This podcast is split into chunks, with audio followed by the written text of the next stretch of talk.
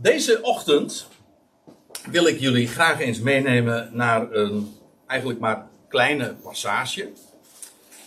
Namelijk een, eh, wat is het, een eh, stuk of 9 à 10 versen die we met elkaar gaan bespreken en wel uit Romeinen 12. Zoals u dat hier achter mij ook ziet geprojecteerd. En ik heb het als thema meegegeven, ongeveinsde liefde. En waarom dat zo is, dat verneemt u straks wel.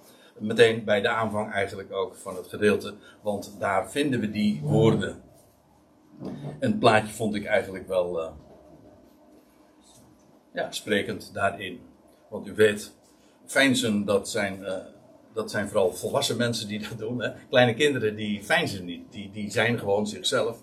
En als je dan ouder wordt en je leert dingen, dan leer je ook feinzen. Iets spelen. Hoe was het ook alweer? Wie spreken de waarheid? Ja, dronken mensen zegt u. Ja, maar ook, kleine kinderen. Ja. Laat ik eerst even wat in het algemeen uh, naar uh, de Romeinenbrief toe gaat, heel kort. Maar voordat we echt inzoomen op Romeinen 12, dat bewuste gedeelte, uh, wil ik wat vertellen over deze brief, deze eerste brief van de apostel Paulus. Althans, zoals we die in het Nieuwe Testament aantreffen. En dat is niet voor niks, omdat eigenlijk deze hele brief de basis vormt van al zijn verder onderwijs. De indeling van de brief is uh, eigenlijk heel simpel. Het valt uiteen in twee delen. Namelijk het uh, leerstellige deel. Dat wil zeggen, daar waarin het onderwijs gegeven wordt over het evangelie van God. Met dank aan Paulus uit de Romeinen 1. Waar die ook inderdaad spreekt over het evangelie van God. En hij zet dat zeer systematisch breed uh, uiteen. Vanuit allerlei gezichtspunten belicht hij het onderwerp. Dan krijgen we trouwens wel, moet ik zeggen, in dat eerste gedeelte een, een, een, onderbreking.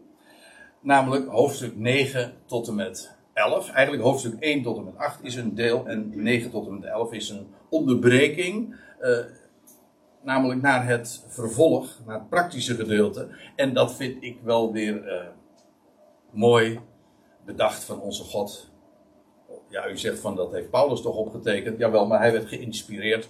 Want dit is namelijk ook zo uh, stilistisch.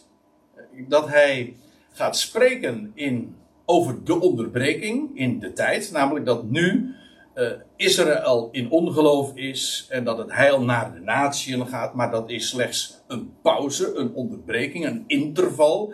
Om straks weer terug te keren dat God de draad oppakt met zijn volk. Maar ik vind het zo mooi dat hij dat onderwijs over die onderbreking uh, ook geeft in een, in een brief, in, in een betoog, dat op zichzelf ook een onderbreking is. Dus het onderwijs over de onderbreking maakt hij duidelijk en geeft hij door in een onderbreking. Nou, dat is toch schitterend. Daar zijn trouwens meer voorbeelden van dat hij dat doet. in de Efezebrief zie je datzelfde in Efeze 3. Efeze 3 is ook zo'n tussenzin uh, in, in, de, in de hele brief. En wat vertelt hij? Wel, uh, de onderbreking, de tussenzin, eigenlijk de pauze, de verborgenheid. En dan krijg je dus uh, hoofdstuk 1, vers 11, hoofdstuk 1 tot en met 11 is heel duidelijk leerstellig. Het is zo onmiskenbaar, die, die tweedeling twee aspecten. En dan vanaf hoofdstuk 12 tot aan het einde, ja, dat is echt de toespitsing op de praktijk. Hoe de leer, het onderwijs een uitwerking heeft. Gewoon uh, concreet in het leven van alle dag. En het eindigt hoofdstuk 16 eigenlijk met een hele uitgebreide. Uh, doe de groeten aan. Nou ja, en dan volgt een hele lange lijst. Overigens een heel boeiend hoofdstuk hoor, daar niet van. Maar in ieder geval, uh, dat is waar, zoals de brief is onder te verdelen. Zodat als we het vandaag gaan hebben over Romeinen 12, dan hebben we het dus over een passage in het praktische deel. Waarin gesproken wordt over de uitwerking van het onderwijs. Want ja, u weet het, het, dat had Paulus trouwens in Romeinen 1 al gezegd, het evangelie is een kracht gods. Het is dynamisch, het is dynamiet. Degene die het verneemt en gelooft, beaamt, dat is trouwens ook zijn werk. Als hij ogen en oren en harten opent. dan heeft dat een kracht, een power. Dat, en dat werkt iets uit. Ja, wanneer werkt dat uit? Nou, gewoon in, in het hart. En daarmee ook, eh, als het hart er vol van is, dan gaat, loopt de mond ervan over. En dan heeft dat een uitwerking ja, naar heel je leven. Uh, want ja, u, u weet het, in het hart, daar zijn de uitgangen van het leven. Dat is het uitgangspunt. Als, als het hart verandert, dan verandert ineens alles. Logisch. Dat is het centrum. Dan gaan we nu even eh, naar hoofdstuk 12. En de eerste versen zijn daarin denk ik ook heel markant. Omdat Paulus dan ook eigenlijk meteen al duidelijk maakt. Dan zegt hij, eh, als ik me goed herinner. Ja, dat kan ik heel goed eh, vertellen. Hij zegt, met een beroep dan broeders op de ontferming van God. Roepen wij u dan op. En dan zegt hij, onze lichamen te stellen tot een heilig offer. Niet onze lichamen maken tot een heilig offer, maar ons lichaam stellen beschikbaar stellen. Zo van, als God nou degene is uit wie, door wie, tot wie alle dingen zijn. Dat is trouwens de afsluiting van Romeinen 11, van het leerstellige gedeelte. Dan zegt hij vervolgens, ja, wat is nou de consequentie daarvan als uit hem, door hem, tot hem alle dingen zijn? Wat zouden we dan met ons lichaam doen? Nou, zeggen we van, alsjeblieft hier, dat is, dat, is van u dus. Het is uit u, het is door u, het is tot u. Dus de log, hij zegt het ook, dat is onze logische eredienst. Kijk maar na, in die vers noemt hij deze woorden. Het is logisch dat als ik van hem ben. En alles uit en door en tot hem is, dan is het logisch dat ik dus mijn lichaam stel. Trouwens, daar hadden we het de vorige keer over, twee weken geleden. en uh, eventjes uh, terzijde. Uh, Piet had mij nog opgebeld en hij had eh, om eh, even te vertellen, die, hij was de vorige keer dus bij, Piet, mooi, en hij had gezegd, ik ben, hij zegt, dit, deze boodschap is zo geweldig, dat we zo'n God mogen kennen. Dus dat heeft hij me nog speciaal laten weten. Dus dat vind ik een prachtige herinnering ook nog daaraan. Maar in ieder geval, toen we het in de vorige keer hadden over, de, over God, God als God, vereren, verheerlijken en danken enzovoorts. Ja, de logica daarvan is inderdaad dat wij onze lichamen stellen. En daarmee dus ook niet gelijkvormig worden aan deze aion. Dus de, het denken, overigens, gelijkvormig aan de wereld betekent niet doen zoals de wereld doet, maar dat is denken zoals de wereld denkt. En dus misvormd. Dat is. Uh, en eh, ja, als je anders, gaat, als je anders denkt, dan kijk je naar de andere, uh, anders naar de dingen. Dan neem je ook andere dingen waar. Dan, leef je, dan heb je dezelfde ogen, zou je zeggen, maar je ziet een totaal andere wereld. Een totaal, je, wereld is een heel andere. En daarmee je beleving ook. En je, dan word je, uh, dat is ook de, dat is het woord, de uitwerking van het woord in ons leven. Dat is dat we hervormd worden dat is geen aanbeveling voor kerkgenootschap. Maar eh, dan worden we hervormd, getransformeerd. Eigenlijk het woordje wat er gebruikt wordt is metamorfose. We ondergaan een metamorfose in ons denken, een transformatie in de vernieuwing van het denken. Ja. Nou, dat is allemaal wat dat woord dan uitwerkt.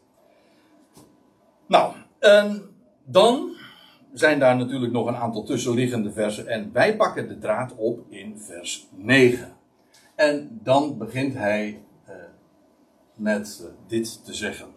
De liefde is ongeveinsd. Dan moet ik eerst eventjes dit zeggen. Uh, met excuses voor de, de grammatica. En ik weet dat er hier mensen zijn die zeggen van... ga nou niet over grammatica alsjeblieft praten. Want op school wist ik al niet uh, het verschil tussen ja, zelfstandige naamwoorden en bijvoeglijke naamwoorden. Nou, knoop uw oren dan even dicht. En dan zal ik u even, maar dan wil ik toch in ieder geval even dit gezegd hebben. Dit is geen uh, imperatief of een aanvoegende wijs. Dat is het namelijk. Daar zeg ik er even bij, omdat het namelijk in de gangbare vertalingen wel zo wordt weergegeven. Ik heb daar alle begrip voor en ik, er is wat voor te zeggen. Maar het, is, het heeft niet die grammaticale vorm. U weet wat een imperatief is, hè? Nee. uh, nou, dat ga ik u dan vertellen. Een imperatief is gewoon: uh, uh, loop weg. Of ga zitten. Dat is de gebiedende wijs. Of uh, als ik zeg, neemt uw plaats. Dat is dan aanvoegende wijs. Uh, dat ligt, uh, ligt tegen elkaar aan. Maar als je, als, kijk, de vertaling, de, de liefde zij ongeveinsd, dan is dat een, een aanvoegende wijs. als, ik, als ik zeg gebiedende wijs, je moet ongeveinsd lief hebben. Wat trouwens op zichzelf al innerlijk tegenstrijdig is. Want als je dat dan gaat doen, dan neem je dus een rol op je. En dan leer je een kunstje. En dan feins je dus. Dus dat is innerlijk tegenstrijdig. Maar het, het staat er ook niet. Het staat gewoon letterlijk. U ziet het hier in de interlineair. Dat is het mooie van altijd de interlineair uh, er, erbij vermelden. Want er staat gewoon. Uh, de liefde is ongeveinsd. Of nou, zelfs dat woord is staat ook niet. De liefde ongeveinsd.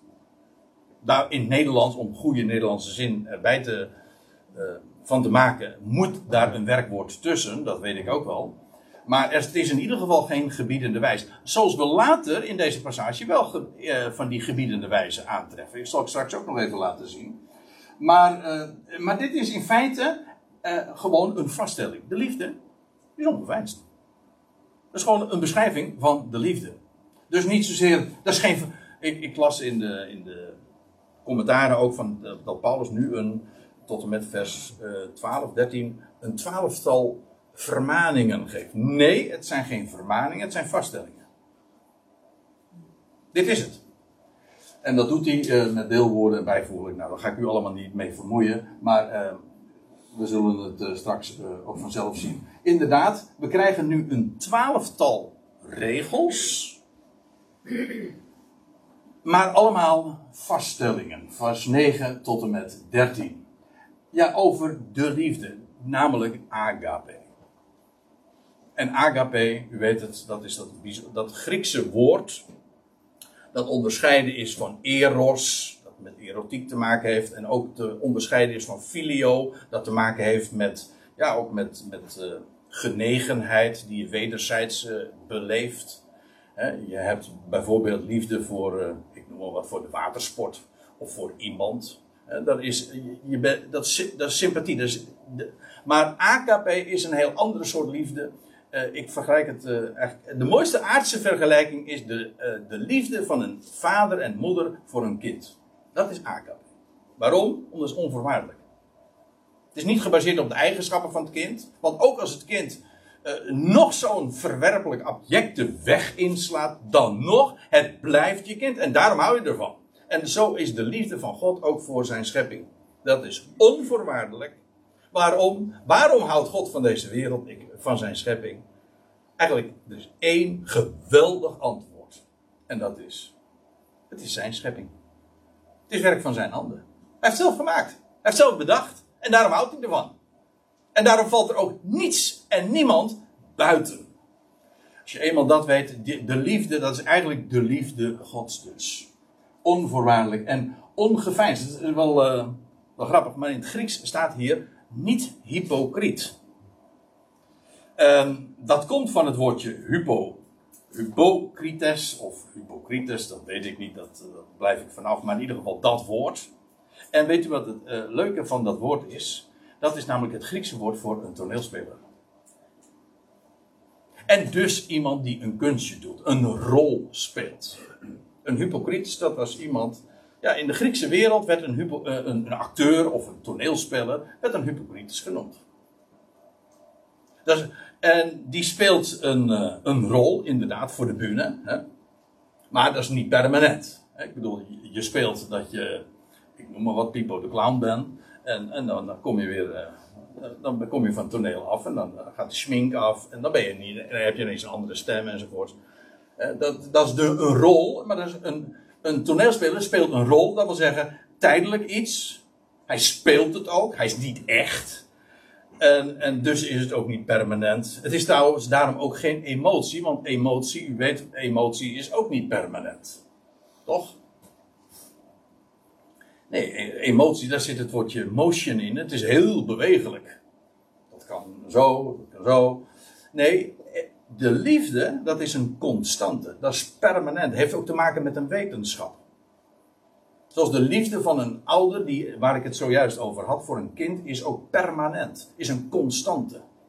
En de liefde Gods is ook een constante. Daar zongen we zojuist al over. Dat is niet voor niks dat ik het eigenlijk ook opgaf.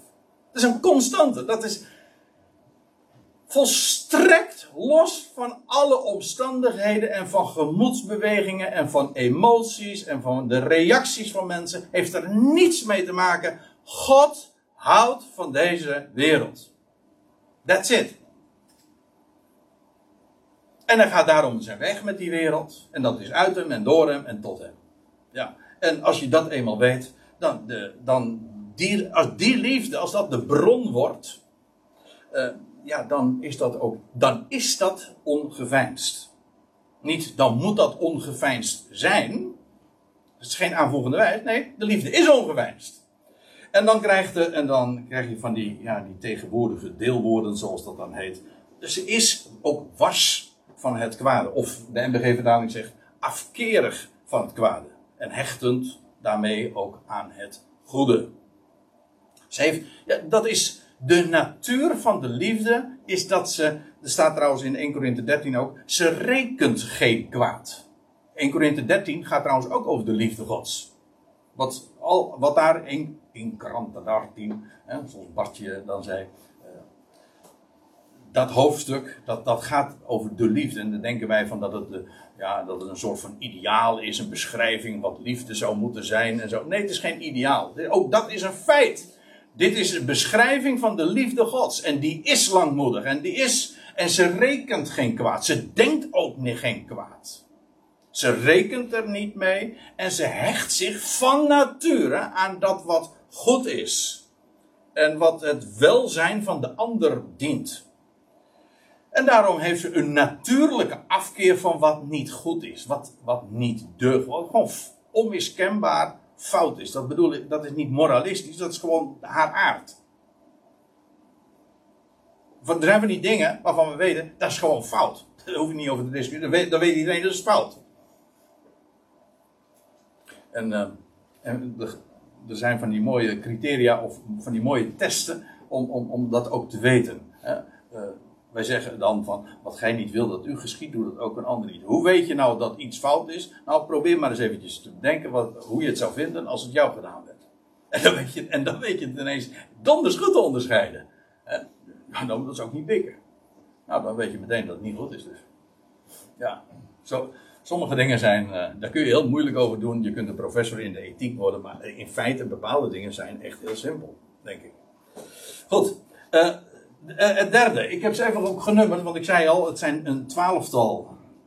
Nou, ik, geen, niet, geen instructies, maar een twaalftal uh, beschrijvingen. Het is, het is niet, sorry voor het uh, wat moeilijkere Nederlands, het is niet prescriptief, voorschrijvend, maar het is descriptief, beschrijven. Dit beschrijft de liefde. Niet hoe het moet zijn, maar hoe het is.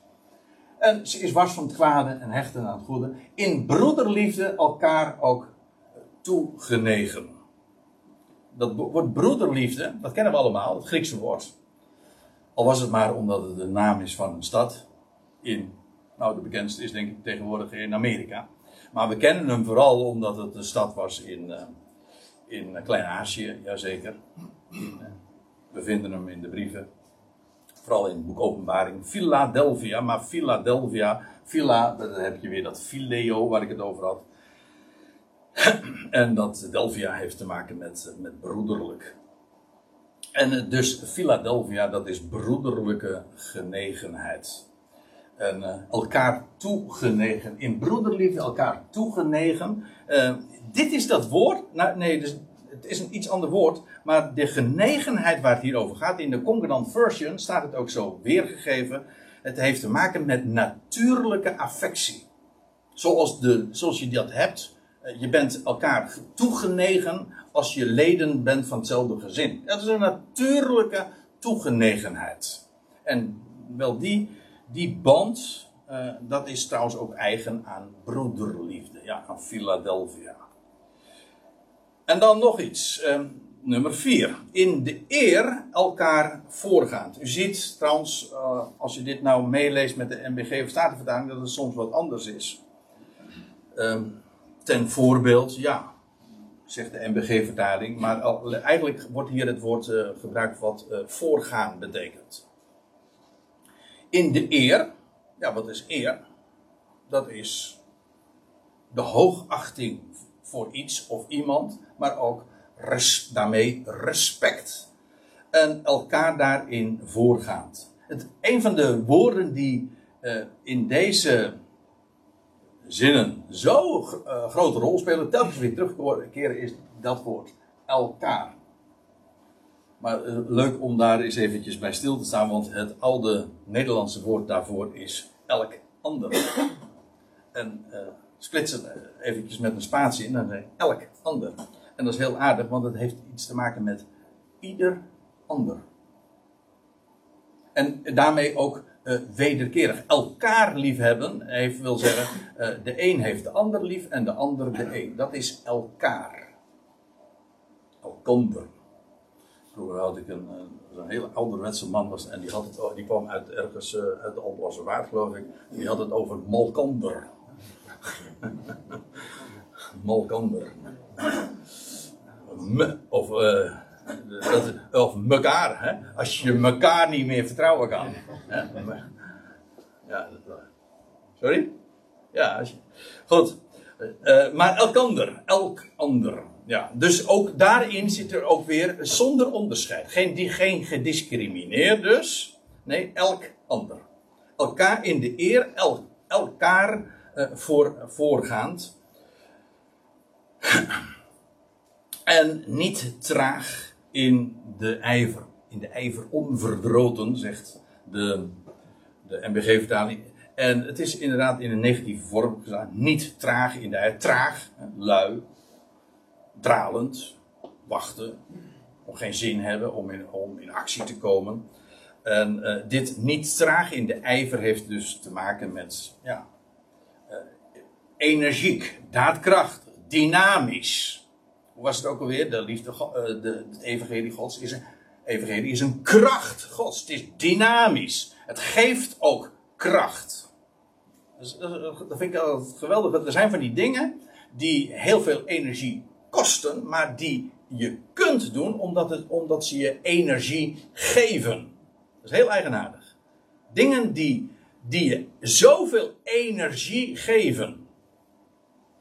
En dat is, ja, wat, wat dacht u wat? Het woord van God is levend en krachtig, scherp, als een tweesnijdend zwaard.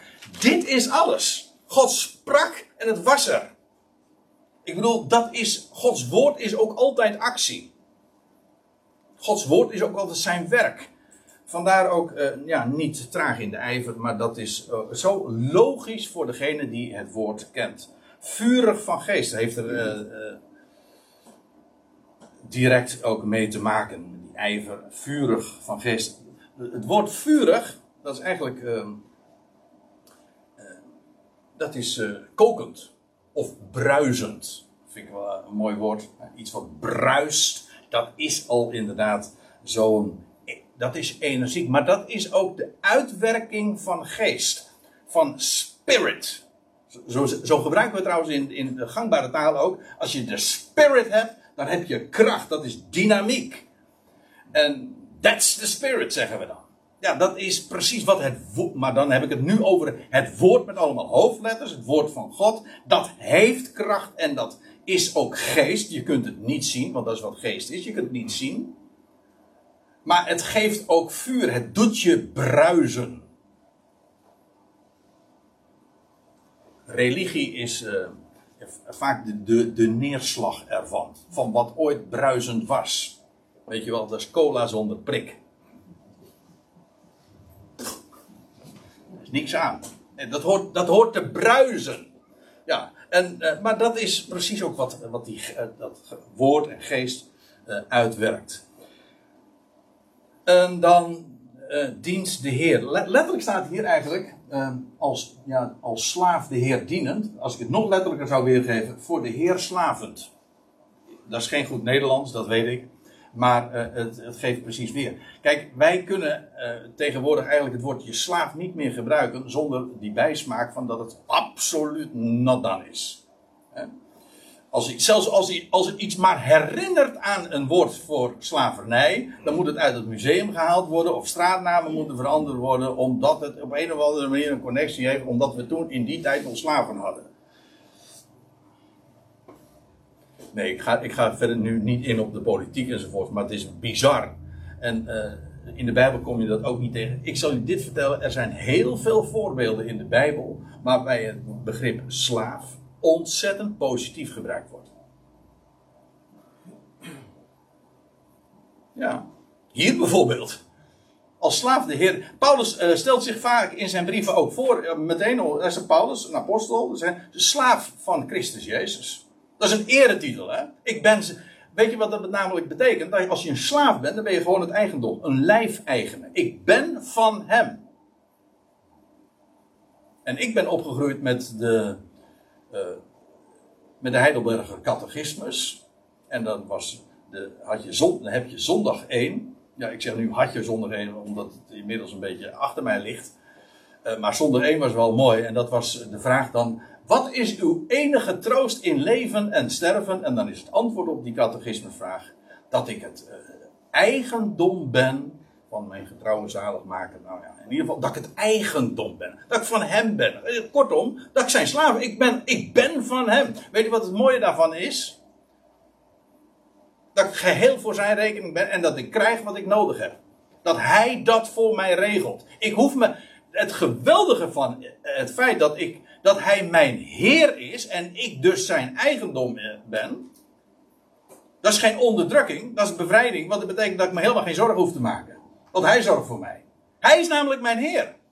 Als hij mijn Heer is, hoef ik me. Dat, daarom, staat er ook, daarom zegt Paulus ook in Efeze 4: Verblijd u in de Heer ten alle tijden. Altijd. Want ik ben altijd van hem. En dus, en dan zegt hij door Paul achteraan: Wees in geen ding bezorgd. Waarom zou je? Als hij mijn Heer is, dan zorgt hij toch voor me? Dat is een hele zorg minder. Dus mensen beschouwen het tegenwoordig, dat begrip, als een reden om je zorgen te maken. Uh, wij, wij fietsen van, van een hele andere kant binnen en zeggen van, geweldig, hij is mijn Heer en ik dien hem. En ik, mag, ik ben zijn eigendom en hij geeft mij alles wat ik nodig heb. En hij, hij zorgt voor mij. Dat, en dus verblijd ik mij altijd daarin. Als slaaf, uh, voor de Heer slavend. Dat is wat het is. En ik moet zeggen, ik vind dat een geweldige blijde boodschap. En dan nog, uh, want uh, het blijft blij. En dan staat er in de hoop zich verheugend. Niet wees blij in de hoop, maar in de hoop zich verheugend. Dat, dit is een beschrijving nog steeds. Hè? Dit is inmiddels nummer 8. Er is nog steeds uh, die, die, die, deelwoorden en dat bijvoeglijke weet u wel. in de hoop zich verheugend. Dat is nog steeds die, de, in feite de beschrijving van die liefde gods. Dat, doet, dat is de uitwerking daarvan. Wij verheugen ons in de hoop.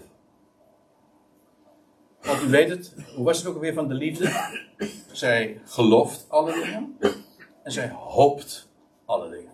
Zij, zij heeft ook hoop voor alle dingen.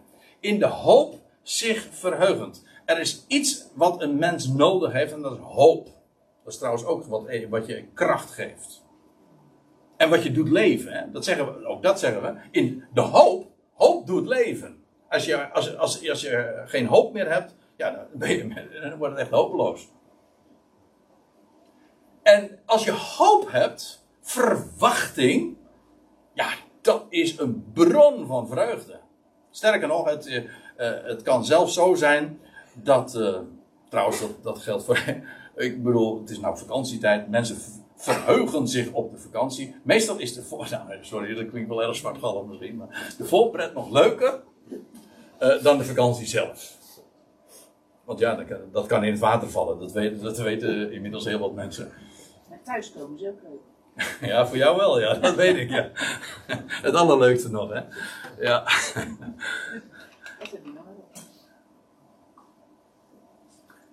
Ja, en, uh, mijn oudste zus die zegt altijd van ik vind het heerlijk om te kamperen. Want dan ga ik het thuis weer zo waarderen. Dan zeg ik van nou, dat tussenliggende hoef ik dan niet te hebben. Maar goed, dat is weer een ander onderwerp. Uh, in de hoop zich verheugend. Kijk, die, bij, uh, in, in Titus 2 wordt gesproken over de gelukkige hoop. Wat je op twee manieren kunt opvatten. En ik denk dat beide routes volstrekt correct, en, correct zijn en kloppen. Namelijk, je kunt het objectief beschouwen en subjectief. Wat bedoel ik? Nou, de hoop die wij hebben, dat, dat wat wij verwachten, dat is gelukkig. Als, als je eraan denkt, wat er allemaal nog voor ons ligt, aan verwachting, de belofte Gods, wat onvergankelijk is. Want ja, er zijn dingen die misschien nog allemaal gaan gebeuren, waar je misschien zegt, dat is moeilijk. Ja, maar de hoop, die onvergankelijk is. Als wij ja, ik, ik, zeg het wel eens vaker, maar ik ben er ook diep van overtuigd. Als we ook maar een, een promiel zouden verstaan van de enorme hoop en verwachting die we hebben, dan zouden we geen, geen moment in ons leven ooit nog zagrijnig zijn. Echt. Dat is zo, ja, mind-blowing. Ik mocht van de broeder geen Engelse taal meer gebruiken, maar ik... Dat is het. Dat is zo onvoorstelbaar. Maar dat, dat is de hoop die we hebben. Ja, voor onszelf. Eh, en die kring wordt steeds groter. Hè? Ieder zijn eigen rangorde. En, en uiteindelijk universeel. Want God maakt. God heeft het geheel op het oog. Uit hem en door hem en tot hem zijn alle dingen. Hem zij de heerlijkheid daarom. Maar die hoop is gelukkig. Maar weet u wat het mooie is? Het is ook subjectief waar. Want omdat we die objectieve hoop hebben, is de hoop die we nu hebben, maakt het ons nu al gelukkig. Dus terwijl de hoop toekomstig is, maakt het ons nu al gelukkig. En dat is dus een gelukkige hoop. En ik heb gelukkig hoop. Ja en in de hoop zich verheugend. Kijk, dit zijn van die dingen. Dit is ook weer zoiets, zo'n oproep. Nee, vermaning. Nee, het is geen oproep. Het is een beschrijving van de liefde Gods. Alle dingen hoop zijn. Maar het zijn reminders. Weer zo'n term. Het zijn herinneringen. We worden herinnerd aan ja, hoe het is. En, en het is goed om er eigenlijk voortdurend aan herinnerd te worden. Om, om niet onder je niveau te gaan leven. Niet onder je stand. We zijn, we zijn van adel en je, je, wordt zo gemakkelijk weer meegenomen door, door alle shit, sorry voor dat ik het zeg, van de wereld en alles wat er over je uitgestort wordt. Alle onzin en dergelijke. Het leidt alleen maar af. Dat is echt waar. En om dan iedere keer weer gewoon eventjes, jongens, weet je nog hoe het zit? En dat is wat Paulus hier doet. Die hoop. En verheug. Hè, daar, dat is zo'n bron van blijdschap om je daarin te verheugen. En dat geeft ook trouwens. Uh, uh, hiervoor uh, meteen de kracht in de verdrukking verdurend.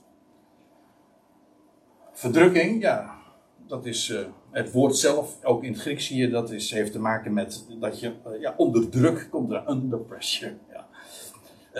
onder druk komt te staan en dat het beklemd wordt of dat het dingen opgedrongen worden. En ik denk dat we de komende jaren nog wel wat uh, dingen gaan beleven. Er zijn ons de laatste tijd al zoveel dingen opgedrongen. De druk neemt toe. En wat zegt Paulus dan? Nou, verduur dat nou maar. Nee, zelfs dat is ook een oproep. Maar dat is de liefde Gods. De uitwerking daarvan is dat je in de verdrukking verdurend bent. Ik moet zelf ook me iedere keer weer nu corrigeren. Hè?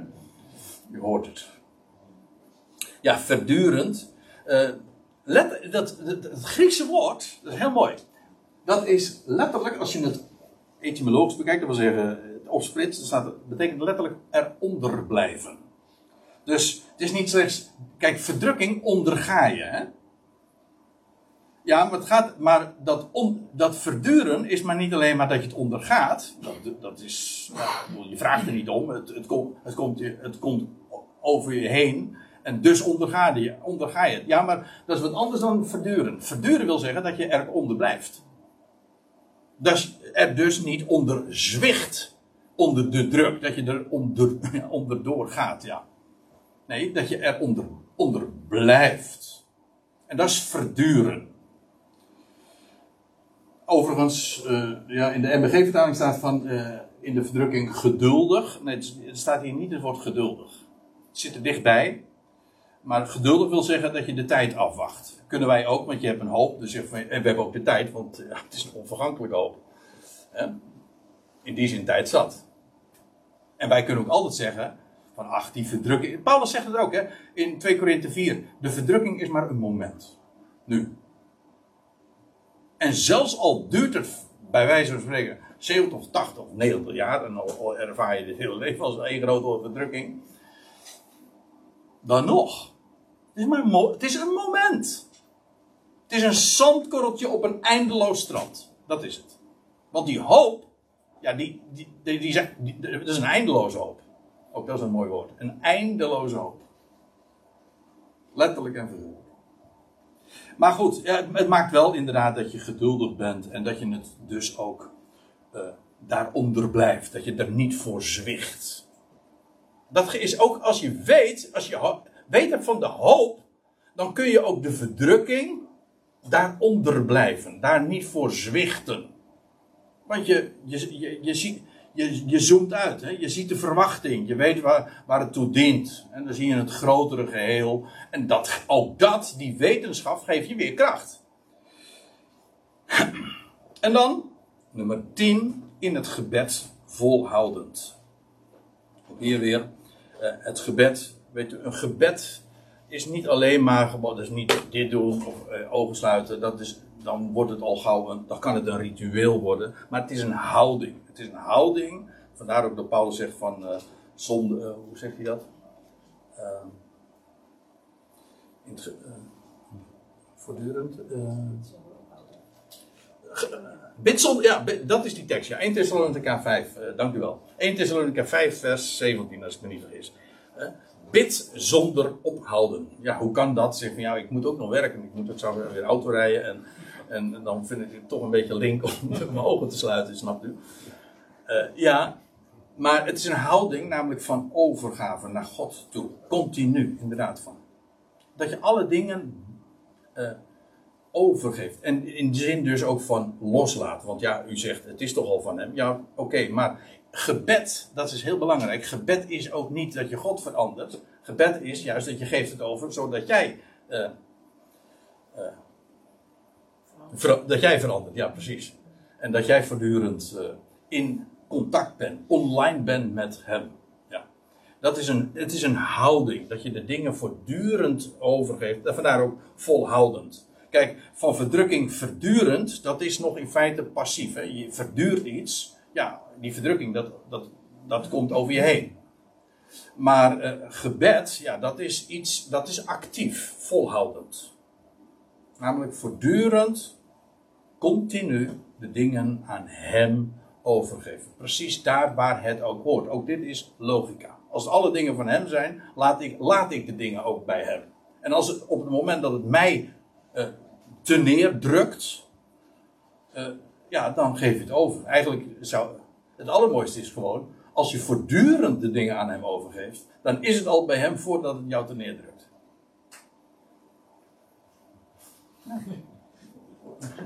Mooi tip toch? Hè? Ja, mooi. En in nummer 11, in de behoefte van de heiligen bijdragen. De behoeften, ja, wat zijn behoeften? Dat is alles wat je nodig hebt en wat noodzakelijk is voor levensonderhoud. Maar ja, er kunnen zoveel dingen nodig zijn. Je kunt een arts nodig hebben of zoiets, ja. Afijn, eh, maar eh, in de behoefte van de heiligen, ja, dat is, dat is zeg maar de inner circle, hè. De binnenste kring, ja. Eh, Paulus zegt in Galaten 6 van, eh, we- doet goed aan allen, inzonderheid de, geloof, de huisgenoten van het geloof. Dus daar hebben we een speciale band mee. Ja, dat is familie. Dat, hoort, daar delen we iets heel bijzonders mee. En vandaar ook de heiligen, dat, dat, zijn degenen die apart gezet zijn. Dat is wat een heilige is. En daarin, in dat wat, waarvan je ziet dat, dat ze dat nodig hebben, nou daarin deelnemend. Eigenlijk staat hier een Griekse woord en dat betekent letterlijk eh, gemeenschappelijk hebbend of zijnd. Je, vor- je vormt als heiligen, we zijn apart gezet, gewoon door het woord dat je hoort, En daardoor zijn wij apartelingen geworden. En dus horen we bij, als zodanig bij elkaar. Maar je ziet dan ook inderdaad de behoefte. En daar, je vormt een gemeenschap en dus neem je daaraan deel. En deelnemend is eigenlijk ook meedelend. En daarmee dus ook bijdragend. Want je vormt één gemeenschap en je ziet de noden, je ziet wat de ander behoeft en je kan daarin delen. Dat is een voorrecht om zo een gemeenschap te zijn en eh, met elkaar dat ook in de praktijk te beleven. En dan uh, de twaalfde wordt genoemd de gastvrijheid najagend. Gastvrijheid, dat is uh, een, een, woord dat u. tegenwoordig kennen we de negatieve vorm, xenofobie. dat is de, de angst voor vreemdelingen. Het heeft nogal een politieke lading gekregen, maar hier wordt niet uh, over xenofobie gesproken, maar over philoxenia. Dat is dus eigenlijk, je houdt van vreemdelingen en van gasten. Je houdt ervan. En het was nog niet zo lang geleden dat we hier een paar keer hebben gesproken over Rahab. Nou, dat was een mooi voorbeeld. In de Bijbel, in het Nieuw Testament, wordt zij ook als voorbeeld gegeven. In Hebreeën 13 zij, was, zij, zet, zij zette haar huis open. Nou, dat uh, gaf heel wat. Dat had een enorme uitwerking hoor. Hè? En dat deze, zonder te weten, heeft ze boodschappers, engelen uh, geherbergd. Ja, en, maar dat is, dat is gastvrijheid. gastvrijheid ook najagend. Uh, dat is dus niet alleen maar passief wachten tot de vraag komt: van mag ik bij jou, mag ik dan bij jou? Hè? Eh, nee, maar het aanbiedend. Dat is najagen, dat is actief. Dat is van, zien van dat de ander iets behoeft, een, een onderdak behoeft, of een plekje nodig heeft. En dan dat najagend wil dus zeggen dat ook aanbiedend. Nou, u ziet twaalf van die beschrijvingen die eigenlijk allemaal vertellen wat de uitwerking is van de liefde van God. Geen vermaningen, maar beschrijvingen. Zo is het. Zo, dat, is, dat is toch geweldig? om te zien van wat de liefde Gods in een leven kan uitwerken. Oké, nu krijgen we een aantal uh, dingen. Nou, tenminste, eerst uh, deze. Dit is, dit is nou typisch een voorbeeld van wel een imperatief. Hè? De gebiedende wijze. Zegend, u ziet dat in het Grieks eh, of in de interlineair. Meteen even een instructie van als u uh, dat ISA-programma wil begrijpen. Als je dan zo'n uitroepteken achter dat woordje zegen zegent ziet, dan wil zeggen dat is een imperatief, een oproep. En, en daarmee ook een gebiedende wijs.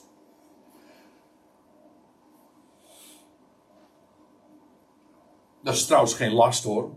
Want uh, er zijn heel veel imperatieven die je eigenlijk niet eens zo zou herkennen. Als ik zeg slaap lekker, dat is ook een imperatief. Of eet smakelijk, is ook een imperatief. ja.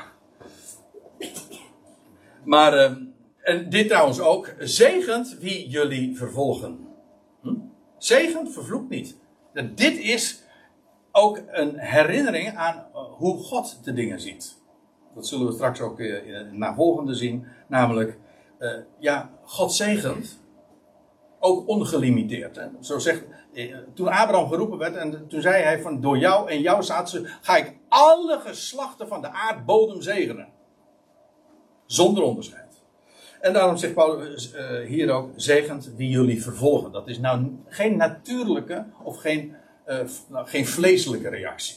Als jou iets aangedaan wordt en jij achterna gezeten wordt, een ander jouw vrijheden en dergelijke niet respecteert enzovoort, dan, ja, dan heb je niet de neiging om te zeggen van God bless you. Of wat zegen je. Nee, Paulus zegt wel: zegent wie jullie vervolgen. Zegen, vloek niet. Ik lees even zich verheugend met, ook, dit is trouwens ook weer zo'n uh, deelwoord. Niet uh, wees blijden, maar zich verheugend met wie zich verheugen. Huilend met wie huilen, of weent met de wenende. Wij, wij hebben daar een, een, mooi woord voor. Dat is trouwens ook een Grieks woord, en dat is empathisch. Empathisch wil zeggen invoelend. Ja, met de mensen die. Dat is ook trouwens, als je mensen ontmoet die huilen, die verdriet hebben, ja, daarmee te huilen. Natuurlijk niet als degenen die geen hoop hebben, maar niettemin dat meebeleven. En dat geldt voor uh, in verdriet en vreugde, mooie momenten. Maar dat is die houding van, die we daarin ook mogen aannemen. Hetzelfde gezind zijnde met elkaar. Ik geef toe, het is misschien niet zo echt lekker lopend Nederlands, maar zo staat het er eigenlijk. Betekent zoiets als, uh, in de MBG-vertaling die heeft het inderdaad wat uh, directer zo weergegeven, eensgezindheid. Ja, eensgezind wil zeggen, ja, u, u zegt, ja, ik woon ook in een eensgezinswoning, maar dat is weer wat anders. Nee, dat is gezinswoning, ja precies. Uh, een, eensgezind, dat is ja, dat je dezelfde gezindheid hebt. En dat heeft ook te maken, zelfs in het algemeen, je zoekt naar dat wat je gemeenschappelijk hebt. Je kan heel gauw al, je hebt van die mensen die altijd verschillen zoeken. Dat is ook een bepaalde houding. En dan ontstaat er ook heel gemakkelijk verwijdering. Maar als we bij elkaar zijn, als gelovigen zeker, in het algemeen, eh, als gelovigen in het bijzonder, maar in het algemeen, je zoekt dat wat je gemeenschappelijk hebt. Gemeenschappelijke interesses. En, en, dat is ook een basis om met elkaar in gesprek te gaan. Nou ja, diezelfde gezindheid met elkaar. Niet zinnend op hoge dingen, maar zich voegend met de nederigen. zinnend op hoge dingen, dat is eigenlijk uh, ja, op, op, moeilijke, hoge, complexe dingen. En uh, ja, die ambitie, maar Paulus zegt, uh, niet zinnend op hoge dingen, dat hooghartige, maar zich voegend met de nederigen. Meervoud. Dus degene die laag zijn of als laag geacht worden en je voegt je juist bij hen. Niet elitair, maar zich voegend met de nederigen. Ik kreeg ooit van mijn vader de hele goede tip toen ik uh, ja, wat actiever werd in spreekbeurten geven. En die zei altijd: André, jij je hangt, vergeet niet, hij gaf, gaf, had zelf veel ervaring met het geven van onderwijs en zo. Hij zegt: vergeet niet, je hangt de ruif, zo zei hij dan, uh, je hangt de ruif altijd te hoog. En uh, hij herinnerde mij aan een woord van Johannes de Heer ooit, die zei: Gods volk bestaat uit schapen, niet uit giraffen. Schaapjes heeft tegenwoordig weer een andere klank trouwens. Maar, de, het idee is inderdaad van ja, weet je wel. En, en, ik kreeg vanuit het Engels ooit eens een keertje deze, deze tip mee. Namelijk het KISS-principe. En dat is een samenvatting: Keep it stupid simple. Daar is wel wat van te zeggen. Maar dat, het idee is gewoon dat je je ook. Dat trouwens. Ja, het is voor mij ook een ideaal als spreekbeurt. als spreker. Je bent bezig, intensief met bijbelse dingen. En dan kan het heel gauw zijn dat je over hoofden heen praat. En dat, dat, dat de mensen, niet iedereen het meer meepakt. En daarom heb ik mij persoonlijk ook, als ik, dat mag zo mag zeggen, ten doel gesteld. Of ik daarin slaag, dat is helemaal aan u. Maar heb ik mij ten doel gesteld dat bij elke spreekbeurt, ook al ga je soms diep en hoog, eh, dat ik iedereen erin meeneem. Zodat iedereen het, eh, in ieder geval wat daarvan mee kan pakken. Dat is uh, de les die ik daar voor mezelf ook in geleerd heb. Word niet eigenwijs. Dat krijg ik thuis ook nog eens te horen. ja. Dus dit neem ik mij uh, zeer te hard. Dat is vooral ook wijs in eigen ogen. En dan in die zin dat je ook niet meer open staat voor dat wat anderen je zouden zeggen. Dan ben je, dan, dan ben je inderdaad eigenwijs. En uh, dan luister je. Want je weet, waarom zou je luisteren naar een ander? Want je weet het al. Nou, dat is dus eigenwijs. Hè? Dus op het moment dat je denkt, ik weet het al. Dat geldt trouwens ook voor Bijbelstudie. Een heleboel mensen die, die luisteren, die zeggen: nee, ik weet hoe het zit. Op het moment dat je denkt dat je het weet, ben je niet meer open. Heb je afgesloten namelijk voor al het andere, want je weet het al. Waarom zou je nog luisteren? Maar ik ga nu dit, dit verzekeren, dus ik zeg ook dit uit eigen ervaring. Op het moment dat je denkt het te weten, dan gaat je. Uh, dat is een hele fatale houding, want dan, gaat, dan ontgaat je heel veel. Eigenlijk alles vervolgens. Er is nog zoveel meer. Nou, die, die, die kennis is denk ik heel veelzeggend. Ja, of, en ook heel veel betekenend. Paulus, ik wil nog twee versen uh, lezen, ik moet een beetje opschieten. Maar er staat, niemand kwaad met kwaad betalend. We hadden het zojuist over, als, als mensen je vervolgen, Paulus zegt, zegenen. Ja, eigenlijk ook logisch, toch? God, dat is ook Gods houding. Ook dit is weer onze logische eredienst. Er staat in Colossense 3 van, indien de een tegen de ander een grief heeft, zoals de Heer niet, eh, wordt niet wordt vergeven gebruikt, een ander woord. Maar zoals, jullie, zoals de Heer jullie genade bewijst, blij maakt, doen jullie even zo. Dat is ook logisch. Als je hem kent, hij bewijst genade, hij zegent. En in feite, Paulus was er zelf een bewijs van. Hij vervolgde hè, de Heer, de naam van Jezus. En wat deed de Heer? Hij overweldigde hem met genade. Saul, Saul, wat vervolg je mij? En hij werd van ene moment, dat is de liefde Gods die hem transformeerde. Paulus wist dus waar hij het over had. En hij zegt daarom ook niemand kwaad met kwaad betalend. Uh, het goede, ja, in de MBG-vertaling wordt dit weergegeven met hebt het goede voor met alle mensen. En het staat er niet zo. En u zegt, u vindt me misschien een beetje een zeurpiet. Nou, dat laatste ben ik ook, een piet. Maar, uh, nou ja, een, een zeurpiet als je zegt van ja, het, staat er anders. Weet u wat er letterlijk staat? Het goede voor ogen hebben van alle mensen. Maar ook dit, het goede, dat wil maar niet zeggen van nou, ik, heb, eh, ik, ik ben altijd bedacht op jouw welzijn. Dat is niet de gedachte. Het idee is, je hebt het goede voor ogen van alle mensen. Niet voor alle mensen, maar van alle mensen. Dat kan alleen maar als je weet dat alle mensen het goede nog in het vooruitzicht hebben.